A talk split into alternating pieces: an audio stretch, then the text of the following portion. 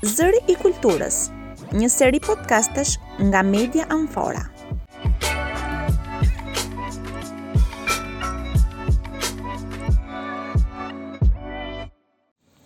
Përshëndetje miq, po dëgjoni serinë e podcasteve Zëri i Kulturës në amfora.al.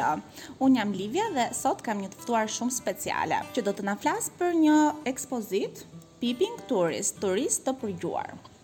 Përpara viteve nëntëdhjetë, Shqipëria, ashtu si në çdo sektor, dhe turizmin e menaxhonte përmes ndërmarrjeve shtetërore. Albturist ishte enti turistik shqiptar që menaxhonte turizmin në Shqipëri dhe kujdesej për turistët e huaj që vizitonin vendin. E krijuar në vitin një mijë e nëntëqind e pesëdhjetë e gjashtë, ajo koordinonte logjistikën, menaxhimin dhe propagandimin e turizmit tek turistët e huaj që vizitonin të ashtuquajturën Republika Popullore Socialiste e Shqipërisë. Kujtimet e së shkuarës janë rikthyer përmes ekspozitës Turistë të përgjuar, Sot jemi me ideatoren e saj, Brunilda Liçaj, pedagoge në Departamentin e Turizmit në Universitetin Aleksandër Moisiu, e cila ka një eksperiencë të gjatë në sektorin e turizmit dhe sot do të na tregojë më shumë detaje rreth turizmit të përgjuar dhe qëllimit të ekspozitës. Përshëndetje Brunilda, faleminderit që jeni bërë pjesë e Amforës. Përshëndetje, faleminderit për ftesën. Brunilda, pyetja ime e parë është cili është qëllimi i Albturist, entit turistik shqiptar, për gjithë ata që nuk kanë pasur një mundësi që ta dëgjojnë më përpara apo nuk kanë njohuri. Albturisti u krijua në vitin 1956 pas të themi udhëzimit nga KNER-i për krijimin e një enti turistik i veçantë në Shqipëri, i cili do të mund të priste turistët e vendeve lindore, të cilët ishin pjesë e bllokut socialist të, të, të krijuar në ato vite. Kështu që Enti Turistik Shqiptar kishte si rol kryesor organizimin e punës për pritjen e turistëve të huaj, të themi në vende të cilat nuk kishin dalje në bregdet dhe Shqipëria do shërbente një vend pritës. Si ishte i organizuar ai? Për sa i përket organizimit, kemi një organizim vertikal për të shpërndarë, domethënë në drejtime të ndryshme. Kemi rrjetin e hoteleve Albturist, i cili fillonte nga veriu deri në jug. Kishim networkun e autobusëve Albturist, të cilët shërbenin për të bërë lëvizjen e turistëve, por njëkohësisht kishim dhe drejtori të veçanta të Albturistit, të cili merresh me propagandën, me marketingun që i themi tashmë në ditët e sotme. Ëm shumë interesante.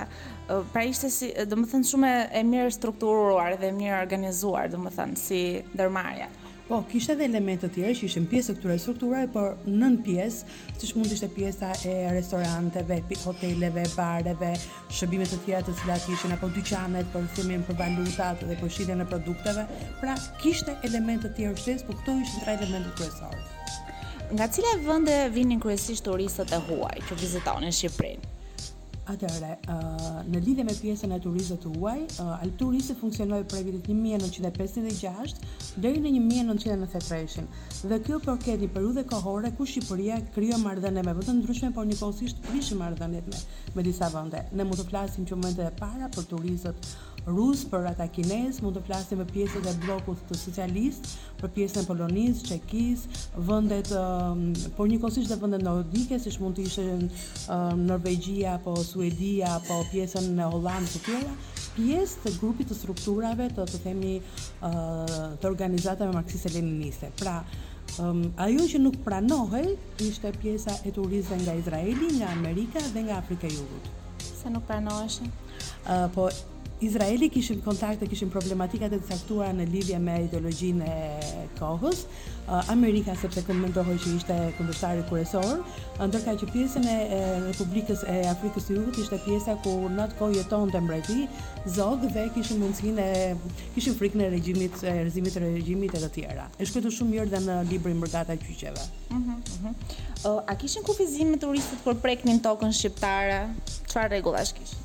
Absolutisht po, ata para para se të vinin në Shqipëri, njëherë ishte shumë e vështirë për të marrë viza, organizohej marrja e vizave nëpërmjet agjencive të ndryshme turistike, por kontrolloheshin paraprakisht gjithë informacionet për personat që do vinin në Shqipëri, pasi në momentin që futeshin në Shqipëri ata kontrolloheshin për veshjet, për mënyrën e mënyrën se si ishin, të themi në pamjen e jashtme, nuk lejoheshin me flokë të gjata, Nuk lejoheshin turistë me mjekër, nuk lejoheshin femrat me minifunde apo me dekolte, të gjithë transformoheshin në hyrje të Shqipërisë dhe në ekspozitën e kemi sjellë dhe berberin apo kemi sjellë rolin e femrës që duhet ndryshonte rrobat për të qenë prezente në realitetin shqiptar në ato kushte të Shqipërisë.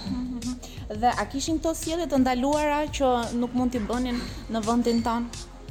Turistëve nuk u lejohej të komunikonin me shqiptarët, ata e dinin që vinin në rrezik të themi dhe jetën e atyre me cilën komunikonin, nuk mund të kërkonin informacione të tjera shtesë, nuk mund të mbanin materiale fetare, por njëkohësisht dhe propagandistuese kundër regjimit shqiptar.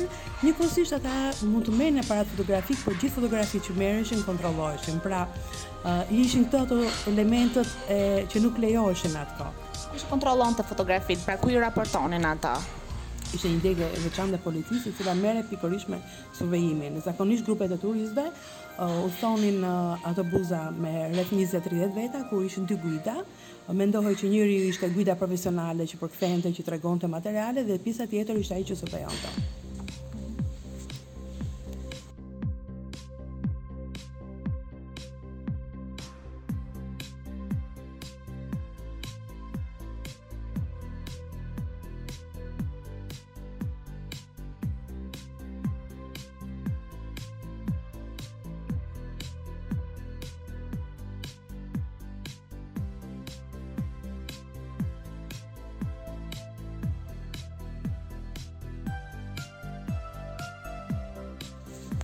Si përgjoheshin turistët e huaj? Uh, siç thashë më parë, ekzistonin dy grupe, ose dy, elem, dy persona të cilët bënin guida turistike, por njëkohësisht dhe hotelet e Albturistit kishin dhoma të veçanta që përgjoheshin. Uh, fakt është që ekzistojnë dokumente në autoritetin e dosjeve të cilat ne i përdorëm gjatë ekspozitave që tregojnë mënyrën se si survejoheshin kush ndiqeshin e të tjera. Fakt është që nuk survejoheshin të gjithë, por vetëm persona të cilët kishin, të themi, element të dhëna, të cilat mund të ishin problem për të themi për regjimin e asaj kohe. Kështu, ne kemi gjetur për shembull në një dosje të veçantë, vetëm në një dosje duke shurtuar, kemi parë që nga 390 veta që kishin ardhur në Shqipërinë e viteve 79-80, uh, ishin të kontrolluar rreth 190 veta, por 34 prej tyre përgjoheshin dhe 18 pastaj u survejuan në metoda më më më të rëndësishme të themi ose të kohës. Kështu që është termi turisti i përgjuar, por nuk është se kanë qenë të gjithë turistët e përgjuar për ta saktësuar këtë. Po, në të njëjtën kohë ka, ka pasur dhe interes Të lartë, domethënë të turistëve për të vizituar Shqipërinë. Pse domethënë a propagandohej Shqipëria si një markë turistike tek turistët e huaj që ata e vizitonin? Absolutisht po. Um, qëllimi i Albturistit ishte propaganda e pjesës së turizmit shqiptar. Uh, kemi në atë kohë um, për hir të së vërtetës uh, pjesën e guidave turistike, të hartave, lifletve, shumë më të zhvilluar se të periudhës që ne jetojmë, Mund të flas që kemi guida turistike në shtatë gjuhë të botës, duke futur dhe spanjishten e turqishten e greqishten, gjë që aktualisht nuk është se ekzistojnë të themi nga entet shtetërore shqiptare, por që mm, ka luajtur rolin e propagandës sepse jo të gjithë mund të vinin në Shqipëri, kishte kuriozitet dhe uh, normalisht duke parë një gjë që e ke të pamundur gjithmonë njerëzit shtyhen nga kureshtja. Është realisht e kemi nxjerr gjatë ekspozitës dhe personazhe të cilët kanë qenë libra, shkrues të guidave turistike që kanë ardhur si kanë ardhur si turistë zakonshëm pikërisht nga kureshtja për të shtu, për të shkruar diçka për Shqipërinë dhe fakt është dhe është fakt që një nga librat e para në anglisht është përsëri i shkruar pikërisht nga një prej këtyre autorëve. Autorëve. Le të rikthehemi pak tek ekspozita. Turist të përgjuar Peeping Tourist. Na flisni pak më shumë në cilat uh, qytete u zhvillua, uh, çfarë objektesh uh, ekspozoi, a lidheshin këto objekte me Albturist? Ekspozita Turist të përgjuar e pati fillesat e veta në datën 18 maj, u zhvillua u hap në 18 maj ditën e muzeve, në Muzeun Kombëtar Shtëpia e Gjetheve pikërisht duke lidhur me faktin e përgjimit. Aty ka ambiente, ka elementë që tregojnë se si janë se si janë përgjuar Hotel Tirana dhe Hotel Dajti apo dhe hotele tjera, është centrali i veçantë dhe kështu që ne e lidhëm gjithçka me atë, e lidhëm me mënyrën se si ta funksion, se si funksiononte hyrja në territorin shqiptar, duke futur në formë një storytelling, duke krijuar hartën e hoteleve, duke krijuar Vizualisht autobuzin Albturist që tashmë ka filluar udhëtimin nëpër qytete. Dhe etapa e dytë ishte në qytetin e Durrësit, ku u vendos për një natë ekspozita në ambientet e Hotel Adriatiku, si hoteli simbol i Albturistit të asaj kohe, dhe pastaj për disa ditë të tjera në qytetin e Durrësit. Fakt është që në Tiranë u dhanë vetëm disa elementë të ekspozitës, nuk u zbuluan të gjitha. Pjesa më e madhe e elementëve janë zbuluar në qytetin e Durrësit ku u bë shfaqja për herë të parë e dokumentarit Peeping Tourist dhe në qendër të qytetit. Dhe tani po punojmë për pjesën e vazhdimit të dokumentarit, por njëkohësisht dhe ekspozitën në qytetin e Gjirokastrës. E veçantë e ekspozitës është që sjell fakte, Fotografi, video, mesazhe, kujtime nga qytete përkatëse.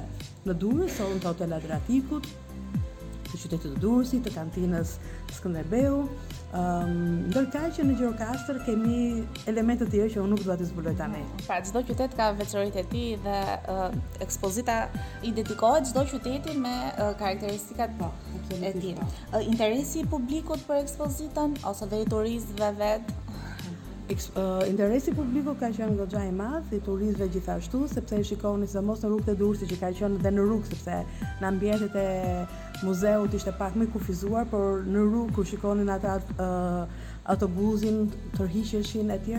Ka qenë goxha i madh dhe është i madh. Njëkohësisht shikojmë dhe në pjesën e kërkesave që vijnë dhe nga mediat për të dhënë diçka informacione për këtë ekspozitë, por njëkohësisht dhe ata të cilët na kontaktojnë duke thënë që dhe un kam kujtime të asaj kohe, duke na treguar disa kujtime, duke dhënë dhe fotografi të asaj kohe, të huaj shikoj që ka të huaj që ne na kanë kontaktuar në, në lidhje me kujtimet e tyre, të cilat bëjnë pjesë e udhëtimit tyre të themi në Shqipëri. Ky udhëtim, që nuk arrita ta thosha më parë, realizohet në kuadër të 65 vjetorit të krijimit të Albturist, këtë vit është 65 vjetori, dhe ne do mundohemi të kalojmë këtë ekspozitë pse jo edhe në Kosovë sepse pjesa më e madhe e turistëve që vinin në kohë, të themi në vitet 90, nga 30000 turistë, 12000 ishin nga Kosova. Pra, ata bënin bumin kryesor.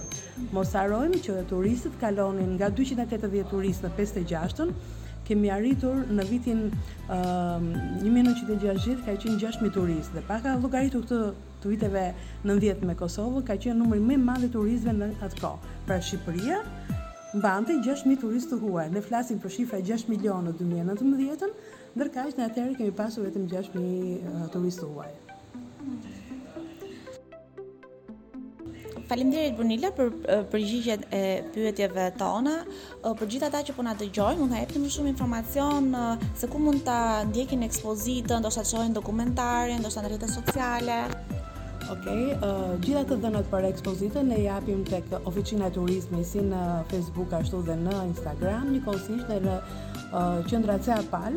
në Facebook dhe japim gjithë informacionet momentale. Për dokumentarin akoma nuk është bërë publik, është vetëm për ata persona që kanë ardhur e kanë ndjekur sepse është gjithmonë në transformim, thashë çdo qytet futen elementë të tjerë, për të sjellë përfundim një dokumentar final me gjithë gjërat më të bukura të cilat mund të jenë dhe mund të shërbejnë pse jo për një element tjetër për storytelling për historinë e turizmit në Shqipëri.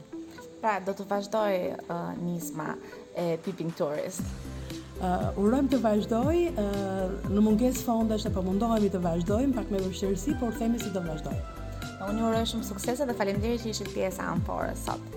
Faleminderit ju dhe urime edhe për këtë ide shumë të bukur për Amforën, sidomos me pjesën e emrit që është gjetur, shumë i bukur për pjesën e qytetit Durrësit. Faleminderit.